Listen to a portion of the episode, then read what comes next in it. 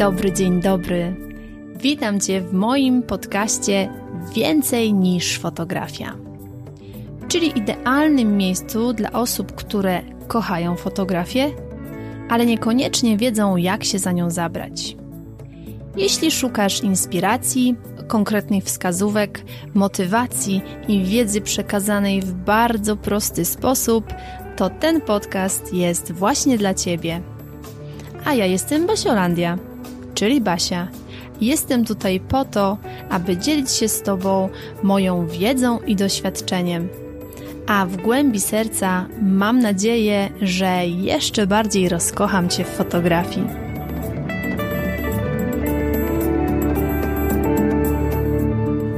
Dzień dobry, dzień dobry. Witam Cię bardzo, bardzo serdecznie w kolejnym odcinku podcastu Więcej niż fotografia. Z tej strony Basiolandia.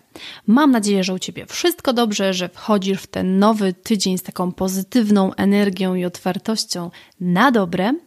Ja na początek tego tygodnia mam dla Ciebie informacje.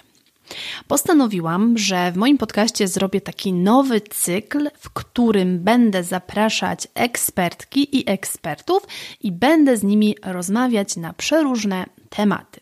Dziś zapraszam Cię na pierwszy odcinek z tej serii. Moją gościnią dziś będzie Izabela Czaplewska, czyli specjalistka od księgowości i finansów.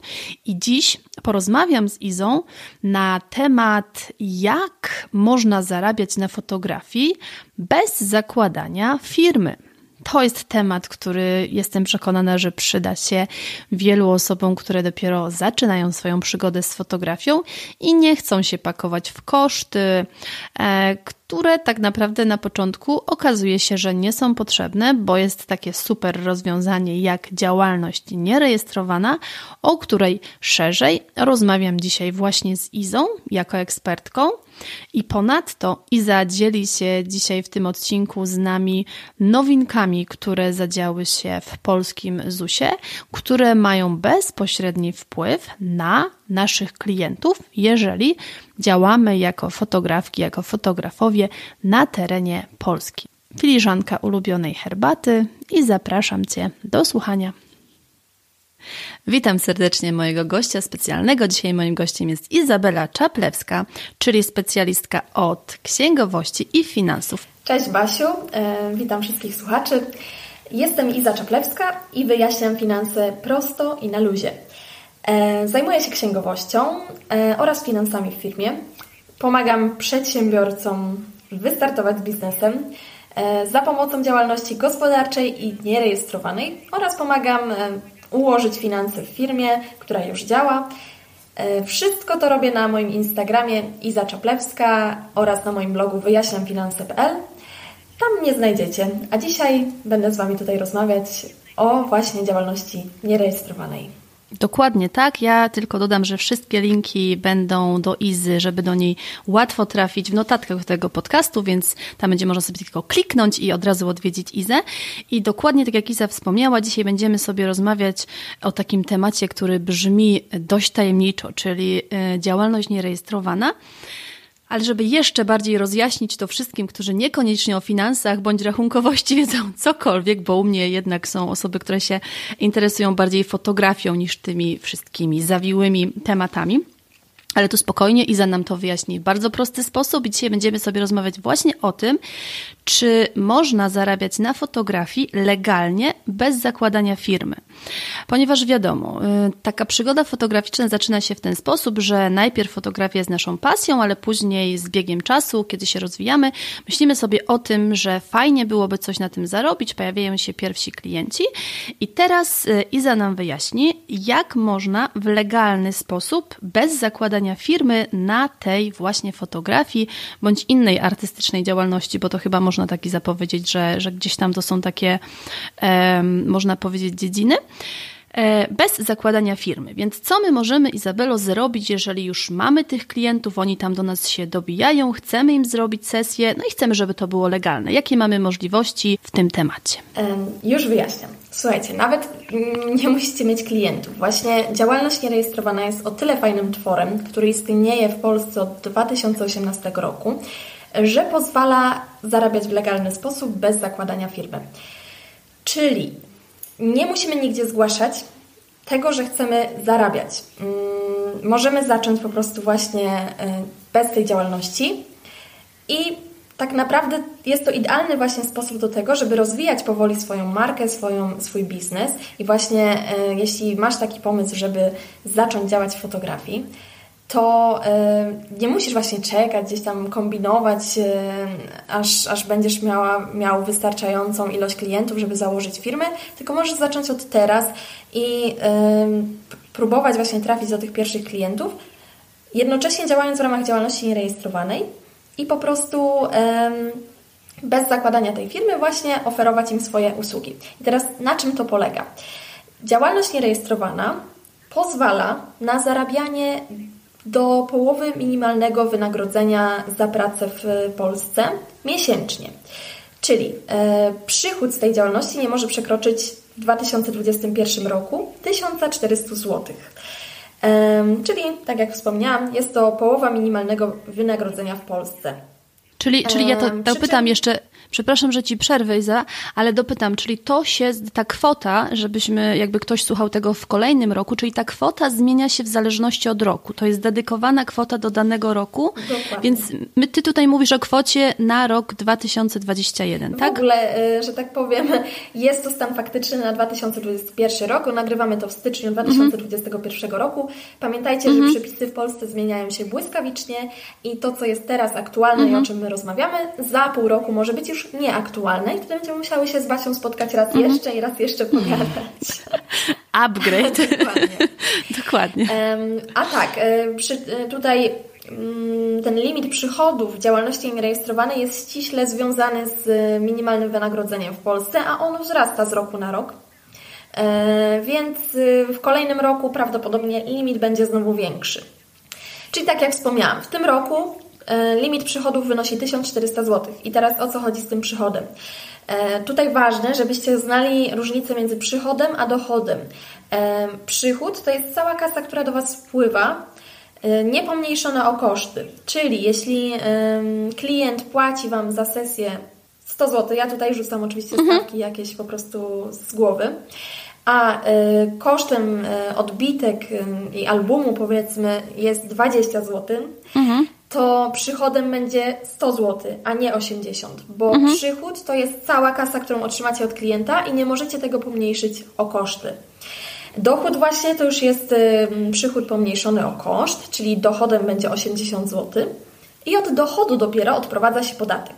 Działalność nierejestrowana polega na tym właśnie, że nie rejestrujemy tej swojej działalności, nie zgłaszamy jej do centralnej ewidencji i informacji o działalności gospodarczej, mhm. ale jakby i tak ujawniamy te, te swoje dochody, bo w ciągu roku nigdzie tego nie zgłaszamy, nie odprowadzamy od tego żadnych podatków, ale w przyszłym roku, gdy będziemy się rozliczać w deklaracji e, PIT, to wykazujemy te nasze przychody z działalności nierejestrowanej, e, wykazujemy przychody, odejmujemy od nich koszty, wychodzi nam dochód i od tego dochodu odprowadzamy podatek dochodowy. Także, mhm, czyli, um... czyli, czyli czy, przepraszam Cię, tylko Ci przerwę Iza, ja to tak e, z, z jasne, Twojego na jeszcze... No, musisz mnie, musisz mnie jasne, dokładnie. Jasne, jasne. Ja to będę, wiesz co, na jeszcze takie bardziej, e, bardziej proste wyjaśnić. Czyli tak, czyli y, ja jestem sobie Basia, pomyślałam sobie w tym styczniu 2001 roku, 2021 roku, że chcę się zająć fotografią i z tego, co mówisz, to ja nigdzie nie muszę tego zgłaszać, podejmuję sobie taką decyzję, wiem teraz od Ciebie, że jest coś takiego jak działalność nierejestrowana, i postanawiam sobie dzisiaj, tak? Chcę sobie taką działalność założyć. Nic nigdzie nie zgłaszam. Jeżeli gdzieś, wiesz, jeżeli gdzieś mówię coś źle, to mnie zatrzymuj. Mhm. I jedyne, o czym muszę pamiętać, to całe, cała kwota, która do mnie przyjdzie, czyli na przykład muszę sobie to tak rozplanować, żeby tam nie przekroczyć tego 1400 zł miesięcznie, czyli planuję sobie na przykład, że nie wiem, że chcę sobie zrobić 5 sesji i łączne to wszystko, co klienci mi za to zapłacą, nie może mi przekroczyć tego 1400 zł.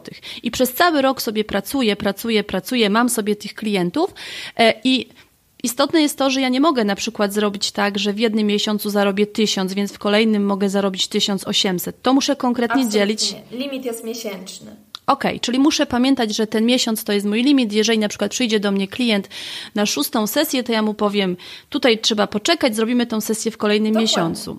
I właśnie, co wydarzyłoby się, e, gdybym ja na przykład to 1400 zł przekroczyła w danym miesiącu? Czy tutaj coś już się automatycznie zadzieje? Dlaczego jest taka ścisła granica? E, po przekroczeniu tej granicy mamy obowiązek zarejestrowania działalności gospodarczej w ciągu 7 dni. Przy czym, nawet jeśli tego nie zrobisz, nie zarejestrujesz firmy, to już automatycznie tym przedsiębiorcą się stajesz według prawa. Co oznacza na przykład, że nawet jeśli nie zarejestrujesz firmy, to będzie Ci rosła jakaś zaległość wobec ZUS-u, bo ZUS może już uznać, że halo, tutaj od y, powiedzmy stycznia byłaś już przedsiębiorcą i masz wobec nas zaległość właśnie wobec mhm. składek na ubezpieczenie społeczne i zdrowotne. Więc warto tego przestrzegać. To, że na przykład stwierdzicie, mmm, tutaj nie zarejestruję sobie firmy, może nikt nie zauważy, to jest bardzo duże ryzyko, mhm. ponieważ może się właśnie okazać, że, że w mhm. razie jakiejś kontroli e, zostaniecie już potraktowani jako przedsiębiorcy i będziecie mieli właśnie jakieś obowiązki dodatkowe w związku z tym. Tutaj jeszcze co, co ważne e, i co chciałabym zaznaczyć, jeśli mowa o tym przychodzie w działalności nierejestrowanej, to mowa o przychodzie należnym, czyli nawet jeśli jeśli klient Wam nie zapłaci w danym miesiącu za usługę, ale została podpisana umowa, wystawiona faktura, mm, no jest jakiś dokument potwierdzający to, że, że taka transakcja miała miejsce, to nawet jeśli nie otrzymaliście tej kwoty, to ona już się wlicza do przychodu. Czyli nawet jeśli nie macie jeszcze fizycznie pieniędzy na koncie, ale one się Wam należą, to już trzeba to wpisać y, do przychodu.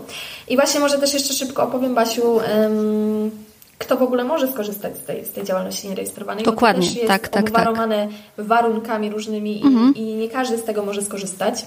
Tutaj chciałabym też zaznaczyć, że mówimy o działalności nierejestrowanej w kontekście fotografów, więc jeśli na przykład y, komuś przyjdzie do głowy wysłać to swojemu tacie mechanikowi, to warunki będą nieco inne, tak? Mhm. Tutaj jakby trzeba analizować y, tą działalność rejestrowaną pod kątem tego, co kto robi i jak chce to robić. Więc jeśli chodzi o takie ogólne warunki, to działalność nierejestrowana jest dozwolona dla osób, które w ostatnim czasie nie prowadziły firmy. Czyli osoby, które nie prowadziły nigdy wcześniej działalności gospodarczej albo prowadziły ją um, przed 30 kwietnia 2017 roku, mogą skorzystać z opcji działalności nierejestrowanej. Jeśli ktoś w tym momencie ma firmę, mhm. to musi odczekać 60 miesięcy od y, daty, kiedy zamknie tą działalność. I 60 y, miesięcy to jest około 5 lat, więc jest to opcja dla osób, które nigdy wcześniej nie miały swojej firmy lub miały ją dawno temu. Czyli na przykład, Iza, jeżeli jeszcze tylko dopytam, bo u mnie jest jakby dużo mam, które na przykład są na urlopach macierzyńskich, które właśnie gdzieś tam teraz mają dzieciątko i w trakcie tego właśnie urlopu macierzyńskiego pojawiła się ta pasja do fotografii. Czyli jeżeli taka mama na przykład wcześniej, przed tym urlopem macierzyńskim sobie pracowała, no to ona na taką działalność y, nierejestrowaną nie może jakby y, się zdecydować, bo ten czas tych pięciu lat, powiedzmy, y, ją ogranicza, tak? Jeśli miała... Chyba, że była przez 5 lat na urlopie macierzyńskim. No właśnie, a są takie przypadki. Znaczy w jakiś no urlop wychowawczy i macierzyński.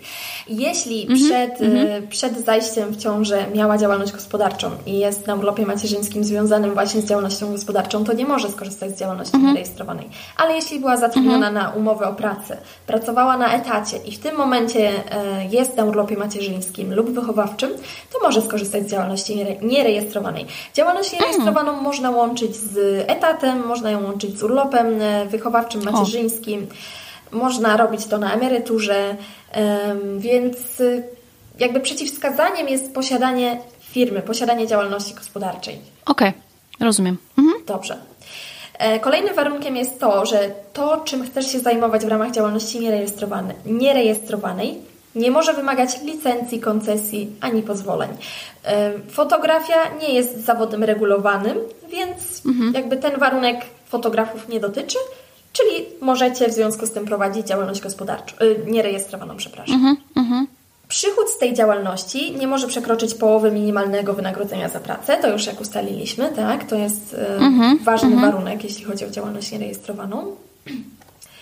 E, I Żeby potem po prostu nie wpakować się w ZUSy i tak dalej, tak? To jest Dokładnie. takie najistotniejsze. Mhm. No i działalność musi być wykonywana osobiście, czyli e, każda jakby osoba ma swój limit i y, osoba wykonuje w ramach tego limitu działalność nierejestrowaną. Nie może być tak, że na przykład ja się rozliczam z tej działalności nierejestrowanej, ale zlecam to tak naprawdę mojemu mężowi.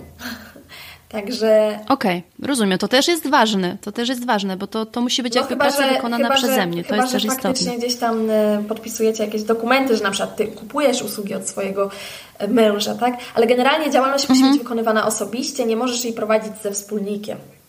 Okej. Okay. Tak? Mhm, to Czyli też jest każdy, super ważne. Każdy ma swój indywidualny limit.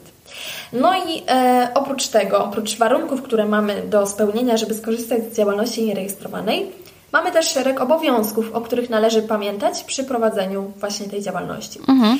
Głównym obowiązkiem, najważniejszym, jeśli chodzi o działalność nierejestrowaną, jest prowadzenie ewidencji sprzedaży. Co to jest? E, czyli takiego spisu Właśnie, czy to jest taki spis, rejestr y, transakcji sprzedaży w Waszym małym biznesie? Czyli e, robicie sobie tabelkę mhm. w zeszycie, mhm. w Excelu, gdzie Wam pasuje i spisujecie tam po prostu każdego dnia, jaki mieliście przychód. Na przykład dzisiaj nie miałam żadnego przychodu, to wpisuję 0. Kolejnego dnia miałam dwie sesje zdjęciowe, każda za 100 zł, wpisuję mhm. 200. Kolejnego dnia miałam e, jedną sesję za 100 zł, wpisuję 100 zł. Także jest to taki po prostu. Czyli muszę i robić taki, taki dosłownie pamiętnik mojej działalności nierejestrowanej, bo nie tylko dni, w tak. których coś zarobiłam, tylko dzień po dniu spisuję, co się wydarzyło, jakby. Możesz spisywać to w dni tylko, gdy miałaś jakieś transakcje faktycznie, ale ja tutaj zalecam taki właśnie, prowadzenie takiego właśnie pamiętnika, ponieważ wtedy masz pewność, że nie pominęłaś żadnego mhm. dnia po prostu masz taki spis 31 dni, tak? W zależności od tego, ile miesiąc mhm. ma akurat dni. I, i każdego no, dnia po prostu, no nie wiem, pierwszy luty 0, drugi luty 100, trzeci luty 50 i wtedy macie pewność, że, że nie uciekło Wam coś, tak? I yy, mhm. ta ewidencja jest prowadzona w rzetelny sposób. Dlatego ja po prostu tak zalecam, żeby to robić w ten sposób.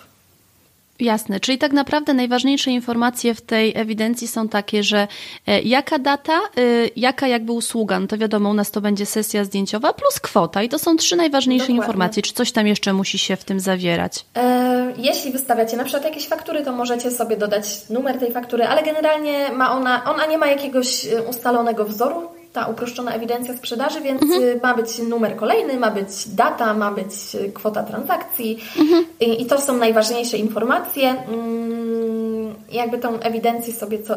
Czyli żeby utrzymać tak, porządek. Tak, tą ewidencję sobie co miesiąc sumujecie. Mhm. No i generalnie macie, służy to do tego, żeby pilnować, czy nie przekraczacie tego limitu przychodów, prawda? To jest Wasze narzędzie do kontroli, mhm. czy się zbliżacie do limitu, czy już go przekroczyliście. I oprócz tego jest to narzędzie do tego, żeby w kolejnym roku wyliczyć odpowiednio podatek dochodowy, bo na podstawie ewidencji będziecie sobie sumować swoje przychody. jeśli będziecie mieli koszty, to odejmiecie od tych przychodów koszty, będziecie mieli w takim razie dochód i od tego odprowadzicie podatek. Mhm. Super, czyli też ważne jest to, żeby sobie te koszty, które w trakcie tego roku będziemy sobie robić, też sobie zbierać. No i teraz kwestia tego typu, że czy ja muszę na przykład zbierać paragony, jeżeli ja na przykład coś kupiłam do sesji, muszę to też mieć jakoś udokumentowane, jak, jakie koszty się w ciągu tego roku wydarzyły. Tak, tak, tak, dokładnie. Ym, dokładnie. Przy czym paragon nie jest dowodem księgowym bo z paragonu, czyli takiego tego świstka mhm. fiskalnego, którego dostajecie z kasy fiskalnej, nie wynika, kto jest nabywcą mhm. danego produktu, danej usługi. E, jako osoby prowadzące działalność nierejestrowaną musicie prosić o fakturę imienną, czyli tutaj faktura na przykład na mhm. Barbarę Strzelec, mhm. Izabelę mhm. Czaplewską, coś takiego, tak? Mogą być problemy z uzyskaniem takiej No właśnie miałam o to zapytać. Bo przedsiębiorcy mogą tak, przedsiębiorcy mogą Wam mówić, ale halo, halo, nie macie numeru NIP, mhm. bo jako e, osoby fizyczne prowadzące działalność nierejestrowaną w większości przypadków nie będziecie mieli numeru e, NIP, numeru identyfikacji podatkowej. Mhm. E, nie zmienia to jednak faktu, że macie prawo do faktury, nawet jeśli zostanie wystawiony paragon dla Was, to przedsiębiorca ma obowiązek wystawić Wam fakturę do tego paragonu. Może przedsiębiorcy mogą mówić, że nie, może, nie mogą wystawić para, e, faktury do tego paragonu, ponieważ paragon nie zawiera numeru NIP. Takie są przepisy, że żeby wystawić fakturę do paragonu, musi być na paragonie numer NIP e, nabywcy. Wy nie macie numeru NIP, więc nie podajecie go, ale nie zmienia mhm. to faktu, że przedsiębiorca musi Wam wystawić taką fakturę, ponieważ nie dotyczą Was te przepisy odnośnie numeru NIP, bo nie macie go, nie, ma, nie jesteście pełnoprawną działalnością gospodarczą, jesteście osobami prowadzącymi działalność nierejestrowaną. Czyli ja mogę e, tak Więc... naprawdę takiemu przedsiębiorcy, y, jeszcze, jeszcze, jeszcze dokładnie mhm. doprecyzować, czyli ja mogę iść za takiemu przedsiębiorcy, do którego, nie wiem, na przykład firmie, od której powiedzmy kupuję sukienkę do sesji. No i y, chcę tą właśnie fakturę imienną i po drugiej stronie właśnie słyszę taką odpowiedź, no nie możemy Pani wystawić fak faktury, bo nie ma Pani tego numeru NIP no to ja mogę powiedzieć, że no nie jestem firmą jakby, więc nie mam numeru NIP, ale na osobę taką y, prywatną, czyli taką fakturę, że tak powiem imienną, mają prawo mi wystawić, bo chodzi o to, żebyśmy też wiedziały, o co mamy prawo się upomnieć, że tak powiem. Mhm. Oni mają obowiązek Wam wystawić fakturę, nie prawo. Okay. Wy macie okay. trzy miesiące od końca miesiąca, w którym dokonałyście zakupu, zgłosić się Macie prawo zgłosić się po taką fakturę. Czyli na przykład kupiłaś Super. sukienkę w lutym, to masz prawo e, mhm. zgłosić się po tą fakturę e, w ciągu marca, kwietnia i maja. Super, to jest ważna informacja, bo... Tak, dobrze, trzy miesiące? Dobrze. Dobrze, no trzy miesiące każdy sobie obliczy, także to spokojnie. Właśnie chodzi mi o to, że mm, taki normalny, przeciętny Kowalski jak ja nie wie takich rzeczy, że na przykład ja mam prawo, no powiedzmy, żądać takiej faktury, bo to jest obowiązek tej osoby, która jakąś, nie wiem, rzecz czy sukienkę mi sprzedała, więc to jest bardzo, bardzo istotne i, i dziękuję, że ta informacja wybrzmiała, bo teraz jakby wiemy, jakie mamy prawa tak naprawdę. Najlepiej pytajcie o fakturę imienną, w momencie zakupu lub przed nim. Jeśli na przykład robicie, chcecie zrobić zakup przez sklep internetowy i widzicie, że jest tam obowiązkowe pole numer NIP, to napiszcie do danego sklepu, do danego sprzedawcy, czy może Wam wystawić taką fakturę bez NIP, jak to zrobić, e, co macie wpisać w to pole NIP, bo, bo taką fakturę potrzebujecie, tak? Jeśli już zostanie Wam wystawiony ten, ten paragon, no to pamiętajcie, że oni mają obowiązek Wam wystawić taką fakturę. Mhm. No i to tyle, jeśli chodzi o te koszty. E, pamiętajcie, że paragon nie jest dowodem księgowym, warto właśnie mieć te faktury imienne. Super. E, I co ważne, mm, ewidencję sprzedaży razem z tymi dowodami na poniesione koszty przechowujecie. Przechowujecie przez 5 kolejnych lat od daty, od roku, w którym zapłaciliście podatek. Czyli jeśli za, mhm. E, teraz zaczniecie prowadzić działalność nierejestrowaną w 2021 roku, i e, zapłacicie podatek za ten, e, za ten rok w 2022 roku, to przez kolejne 5 lat od 2022 roku musicie przechowywać te dokumenty. Okay. Razem z, z, deklaracją PIT. To też jest istotne. A czy zdarzają się na przykład takie kontrole w działalnościach nierejestrowanych? No bo myślę, że to pod kątem kontroli jakby musimy trzymać te dokumenty. Dokładnie. Tak, to jest, to jest pod kątem kontroli. E, ja dotychczas nie słyszałam o e, kontroli, jeśli chodzi o działalność nierejestrowaną. Natomiast może się takie coś zdarzyć, nie możemy tego wykluczyć, tak? Zdarza się, że na przykład osoby fizyczne są wzywane do jakichś dopłat, bo na przykład, nie wiem, ZUS się, y, przepraszam, Urząd Skarbowy się mhm. dopatrzył jakichś dochodów z zagranicy albo czegoś takiego. Yy, oni mają 5 lat, żeby się dokopać Jasne. do czegoś, że tak powiem, więc jest to trochę czasu i warto gdzieś tam rzetelnie przechowywać te dokumenty i lepiej mieć. żeby to wszystko było poprawnie zrobione. Dokładnie. Mhm, super. Czyli co, teraz możemy sobie przejść do faktur, ponieważ wiele osób właśnie myśli sobie, że ja nie mam firmy, to nie mogę wystawić faktury, no a fajnie byłoby klientowi jakby wystawiać fakturę. I jak to jest z tymi fakturami? Czy my możemy wystawiać faktury naszym klientom, czy nie możemy? Czy to trzeba być firmą? Jak to wygląda przy tej działalności? Ba, nie tylko możecie, ale czasem i musicie. Jeśli przyjdzie do Was klient i zażąda mhm. faktury, to macie obowiązek mu ją wystawić. Tak samo jak w drugą stronę, tak? Jeśli Wy zażądacie od firmy, żeby Wam wystawiła fakturę za poniesiony koszt, to tak samo i Wy musicie wystawić fakturę, jeśli tego sobie zażyczy Wasz klient. Generalnie nie musicie wystawiać żadnych dokumentów potwierdzających sprzedaż. Wystarczy odnotowanie tego, tej transakcji w uproszczonej ewidencji sprzedaży, ale jeśli przyjdzie mhm. klient i powie halo Basia, tutaj mieliśmy sesję w grudniu, mhm. E, mamy, mamy luty, ale ja potrzebuję fakturę do tej, do tej sesji, to musicie ją wystawić. Też e, mhm, mhm, klient ma 3 miesiące na zgłoszenie takiego zapotrzebowania od końca miesiąca, w którym ta sesja się odbyła. Mhm. I teraz tak, no nie, nie potrzebujecie firmy do tego, żeby wystawić faktury. Nie potrzebujecie numeru NIP, nie potrzebujecie żadnego specjalnego programu do tego. Nie ma jakiegoś y, po prostu obowiązku, żeby to było na jakimś, nie wiem, papierze kancelaryjnym z, z, z urzędu. Po prostu znajdźcie sobie wzór faktury bez VAT, chyba że jesteście watowcami, ale to są bardzo, bardzo rzadkie przypadki, raczej nie dotyczą fotografów działalności nierejestrowanej, więc y, szukacie sobie wzoru faktury bez VAT, Mhm. I taką fakturę y, uzupełniacie o odpowiednie dane i wystawiacie swojemu klientowi. Mm, czyli tak naprawdę dla nas ważniejszy jest ten spis, że my mamy to wpisane w tą naszą właśnie, w ten nasz pamiętnik, że tak powiem, naszej działalności. E, faktury są takim elementem, który jeżeli klient zażąda, to też jest fajna informacja, że to nie jest, że ważniejszy dla nas, ze strony naszej, jako prowadzącej działalność tą nierejestrowaną, jest ten, jak ja to nazwałam roboczo, bo to się ładnie nazywa spisem, tak jak ty to ładnie nazwałaś, ale u mnie roboczo nazwę to tym pamiętnikiem, czyli tym wszystko spisywanym właśnie, taka sesja, taki dzień i tak dalej. Ok, super, to to są bardzo, bardzo, bardzo ważne informacje. I czy na przykład y, ja, prowadząca tą działalność nierejestrowaną, muszę mieć na przykład kasę fiskalną, bo to są też właśnie takie pytania, które się często pojawiają. E, jak to jest z tą kasą fiskalną, Izabela? Trzeba, nie trzeba? Generalnie, prowadząc sprzedaż na rzecz osób fizycznych, czyli właśnie takich prywatnych, jak nie wiem, pani Ania z sklepu albo pani Zosia, moja sąsiadka, mhm to y, musicie mieć kasę mhm, fiskalną. Mm-hmm. Ale obowiązują pewne zwolnienia, z których możemy skorzystać, żeby tej kasy fiskalnej uniknąć. Y, I tym sposobem na przykład jest zwolnienie podmiotowe, które polega na tym, że zarabiając do 20 tysięcy złotych rocznie, nie musicie mieć kasy fiskalnej. Siłą rzeczy nie zarobicie 20 tysięcy złotych rocznie w działalności nierejestrowanej. Nie przekroczymy. Bo nie pozwala Wam na to ten limit przychodów.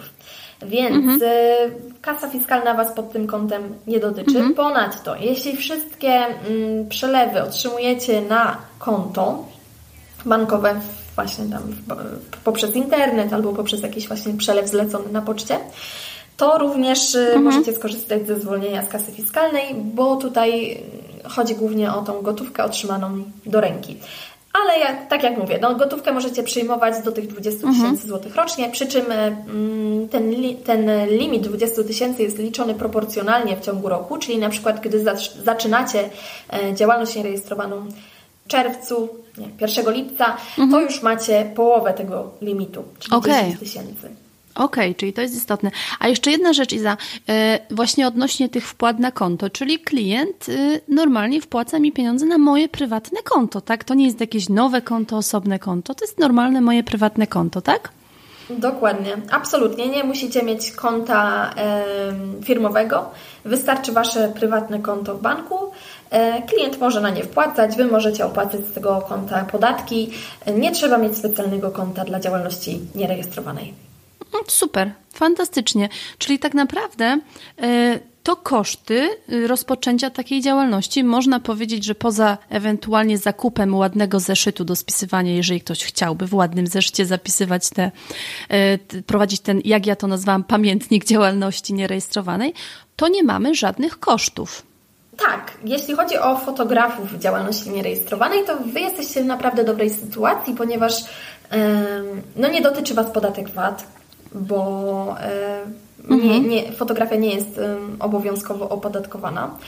E, zazwyczaj nie podpisujecie umów zlecenie, a umowy zlecenie są takim nieprzyjemnym, e, nieprzyjemną kwestią działalności nierejestrowanej, ponieważ przepisy nie zostały doprecyzowane i często pojawia się kwestia mm, oskładkowania tych umów składkami ZUS.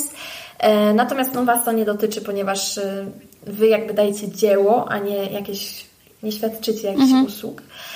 No i tak, no i po mhm, prostu mhm. w kolejnym roku właśnie odprowadzicie od tego podatek. Właśnie jeśli mowa jeszcze o obowiązkach, których należy pamiętać przy prowadzeniu działalności nierejestrowanej, to właśnie pamiętanie, że to, że nie płacicie żadnych podatków, żadnych opłat związanych z działalnością nierejestrowaną w ciągu roku, nie znaczy, że w ogóle nic nie zapłacicie. Uwzględnijcie to, że właśnie mm, w kolejnym mhm. roku macie ten podatek dochodowy do zapłaty w wysokości 17%. Jeśli jesteście w pierwszym progu podatkowym. Jeśli jesteście w drugim, to macie do zapłaty 32% okay. od tego. Ale generalnie większość z Was na pewno będzie w pierwszym progu podatkowym, czyli jak zarobicie to 1400 zł i na przykład nie macie żadnego kosztu, tak, to 1400 zł jest całością Waszego, jakby to już mhm. jest Wasz dochód, to od tego 1400 zł zapłacicie 17% podatku. Okej. Okay. Super, super. To to jest naprawdę niewiele w perspektywie tego wszystkiego, co możemy przez ten rok zdziałać. Wiesz co? Jakby często dyskutuję na ten temat z ludźmi, e, czy to 1400 zł to jest dużo, czy mało, e, czy to w ogóle wystarczy na jakiekolwiek. No, na utrzymanie na pewno nie wystarczy, nie oszukujmy się. Ale to jest opcja dla początkujących, pamiętajcie. To jest opcja na to, żeby skorzystać e, legalnie właśnie mhm. z zarabiania w ten sposób i wypróbowania swojego pomysłu na biznes, sprawdzenia, czy w ogóle ja się mhm. odnajduję, czy mam klientów. Czy to nasze. Dokładnie. E, na rozkręcenie się w takim swoim tempie, tak, że ja tu teraz powoli będę szukać sobie klientów, budować bazę tych klientów.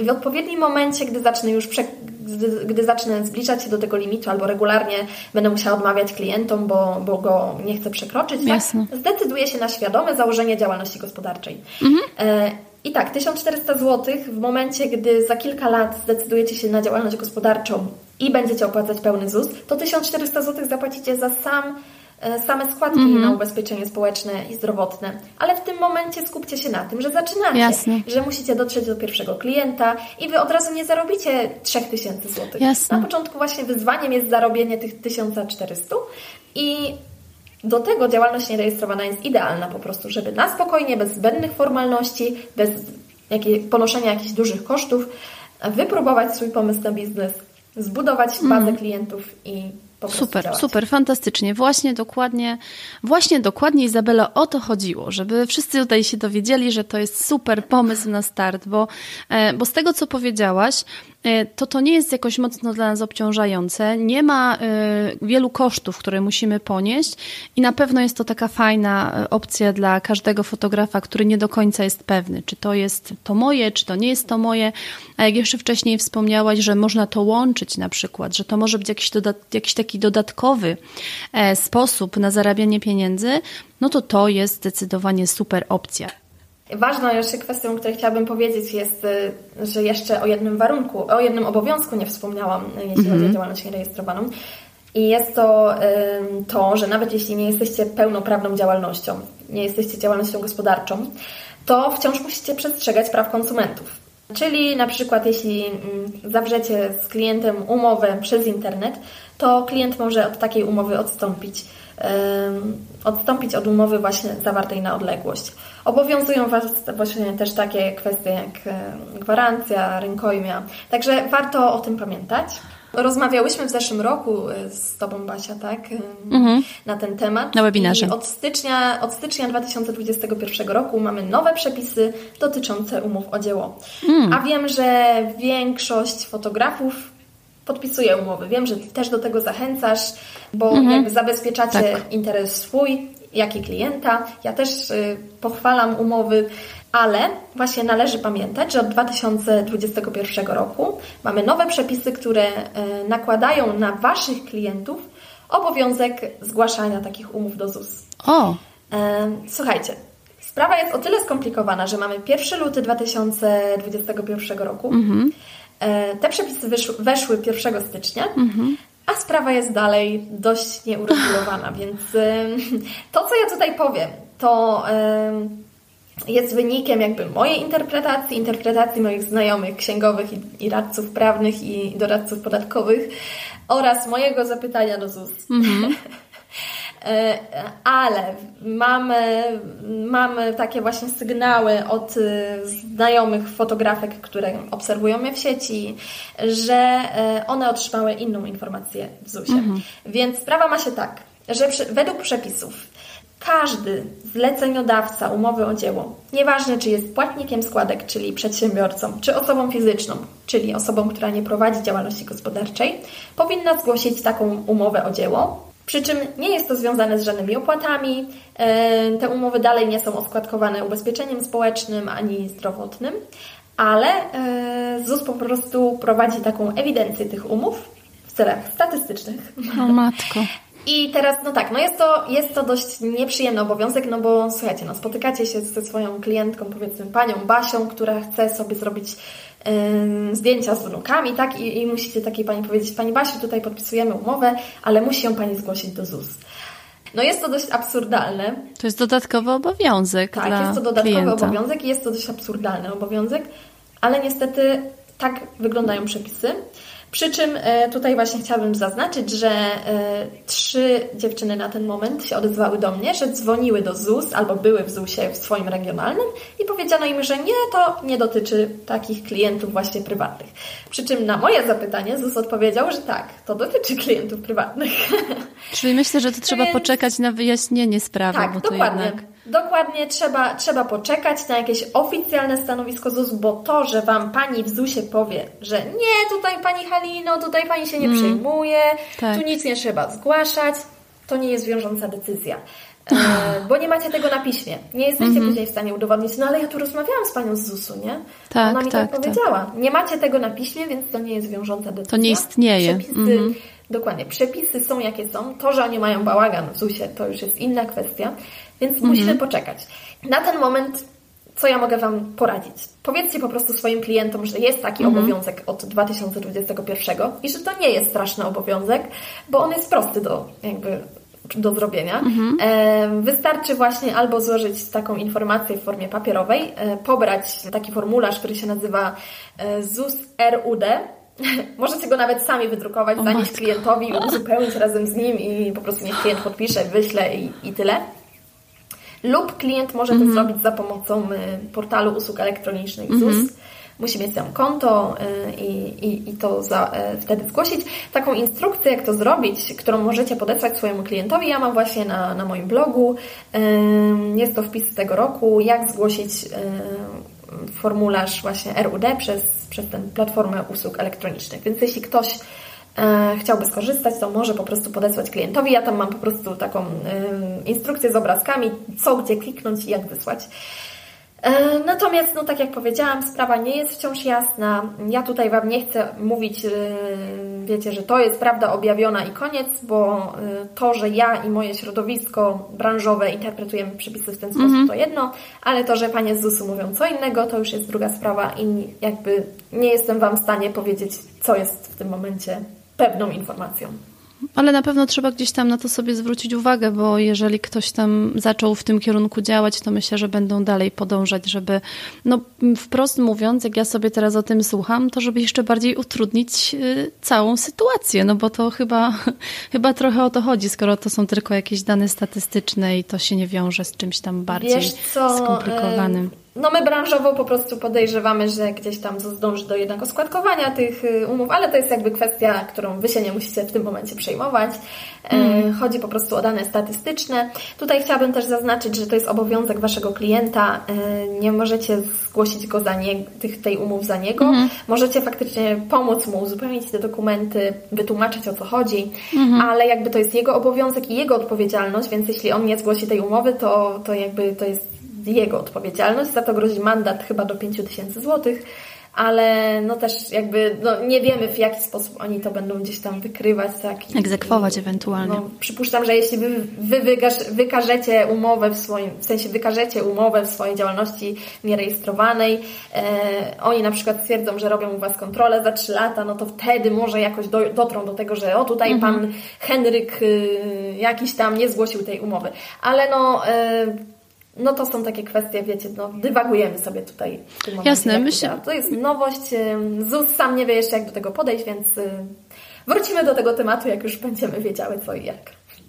Czyli my tak naprawdę, Iza, żeby jeszcze dokładnie y, doprecyzować, y, to nie jest nasz obowiązek, żeby jakby zająć się tymi, tym zgłoszeniem, ale my w naszym powiedzmy takim obowiązku mamy to, żeby poinformować klienta, tak, że coś takiego wchodzi i że on ma taki obowiązek. Wiesz co, obowiązku też nie macie. Jakby ZUS zakłada, że wszyscy się interesują przepisami i klient ma to wiedzieć.